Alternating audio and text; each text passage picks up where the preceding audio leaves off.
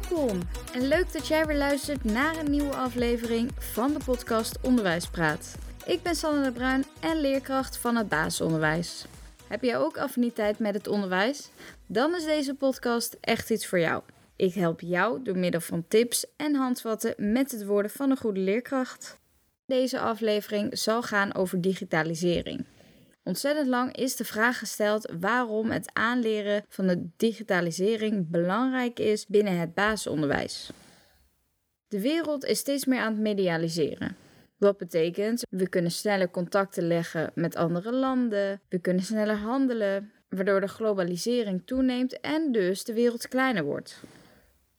Nu met deze coronatoestand is deze digitale wereld belangrijker dan ooit. Stel je eens voor dat deze digitale wereld er niet was. Hoe zou het onderwijs dan zich vormgeven? Omdat de wereld zo ontzettend aan het medialiseren is, moeten kinderen nou eenmaal vanaf de basisschool al de basis leggen voor hun digitale geletterdheid.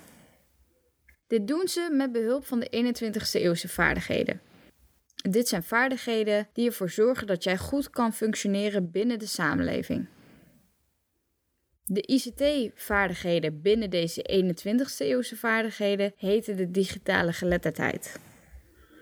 SLO heeft hiervoor doelen opgesteld. En deze doelen hebben niet alleen betrekking tot of je weet hoe een computer werkt, maar ook de voor- en nadelen van de digitale wereld en de invloed hiervan. Als we spreken over de digitale geletterdheid, dan hebben we het over vier vaardigheden. Namelijk computational thinking, mediawijsheid, ICT-basisvaardigheden en informatievaardigheden.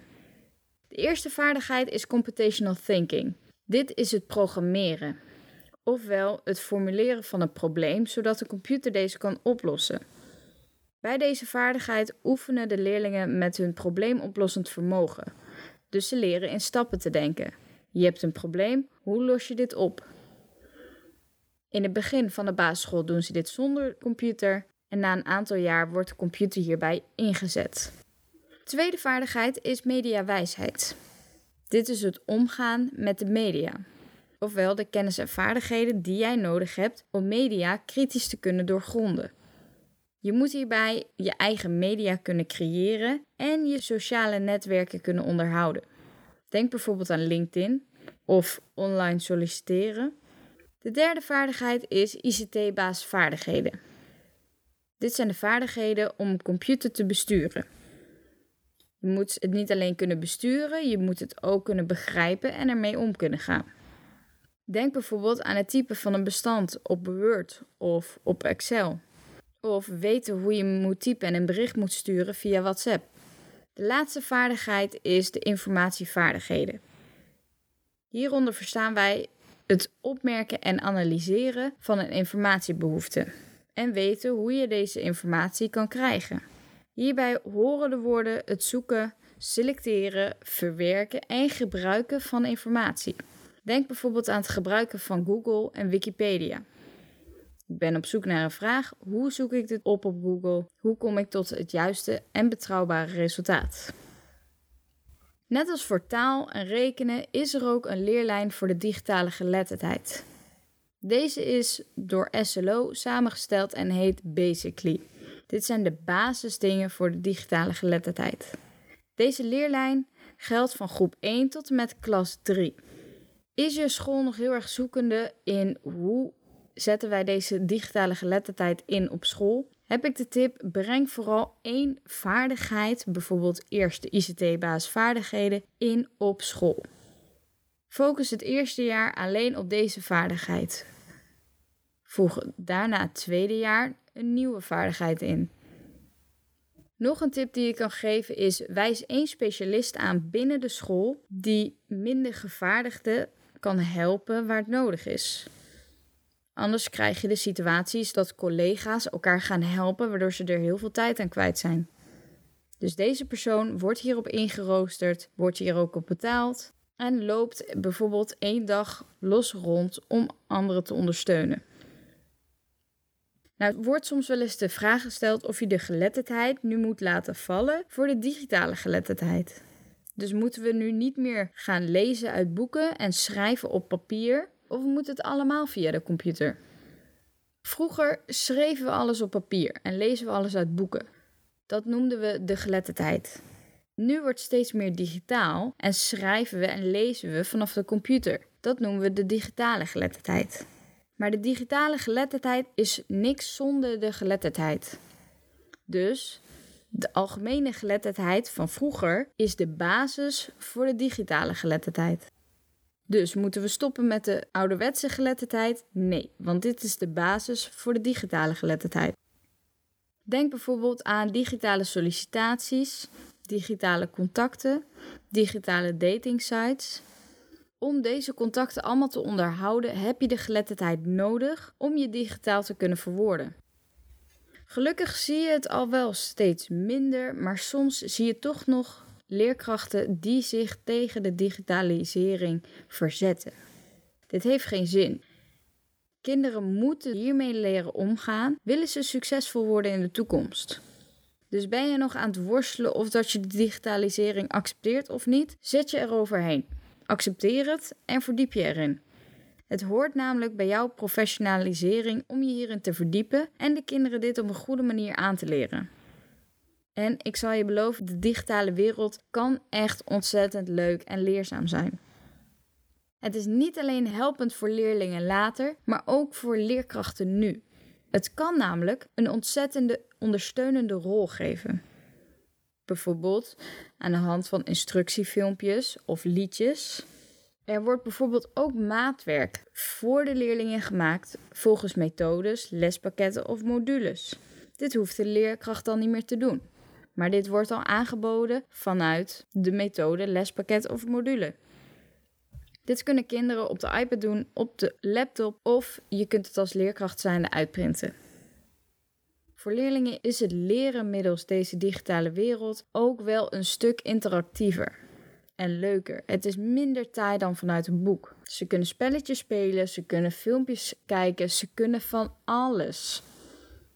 Hierdoor worden leerlingen ook meer betrokken en uitgedaagd om te leren. Dit was een hele hoop informatie die ik aan je heb gegeven. Als laatst heb ik nog een paar praktische tips voor jou waarmee jij de digitale geletterdheid kan stimuleren binnen de klas. Het eerste is breng Kahoot in de klas.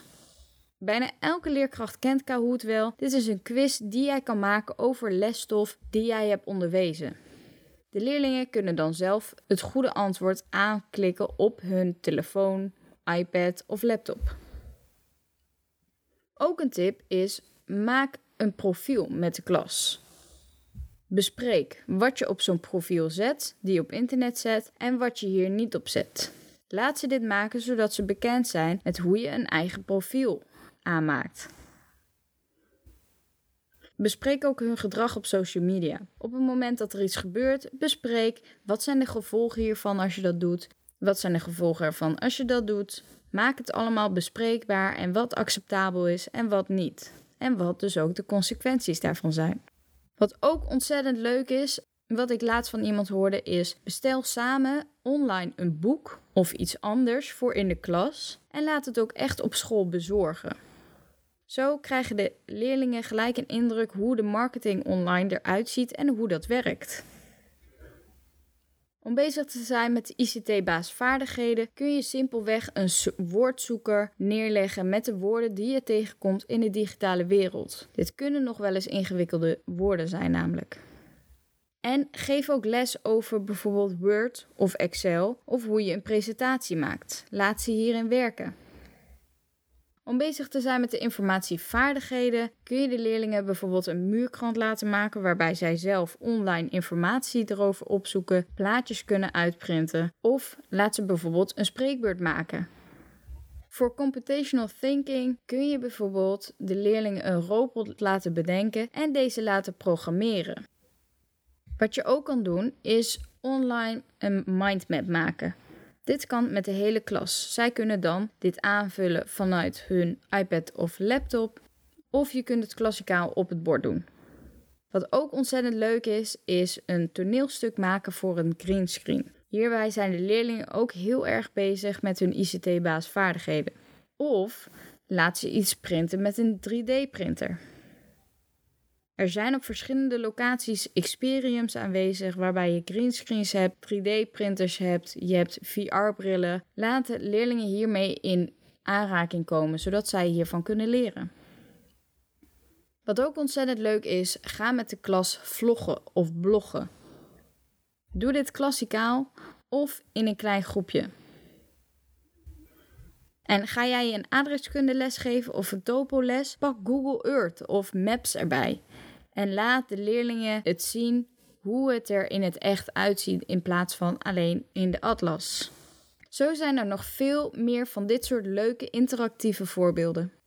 Ben jij een les aan het voorbereiden? Wil je er iets met ICT in doen, maar kom je even op niks? Stuur mij vooral even een berichtje en ik denk graag met je mee. Ik hoop dat jij iets hebt gehad aan deze aflevering en ik hoop dat jij nu wat meer weet over de digitalisering op de basisschool.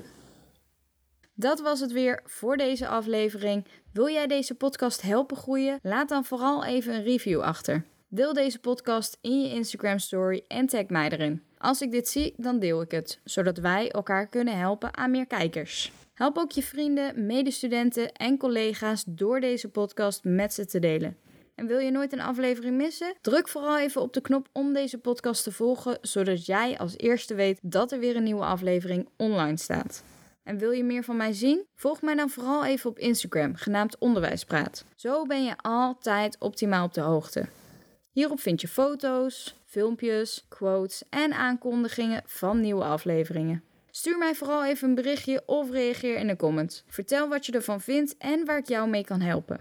Bedankt voor het luisteren naar deze aflevering. Ik zie jou volgende week bij de volgende. Doei!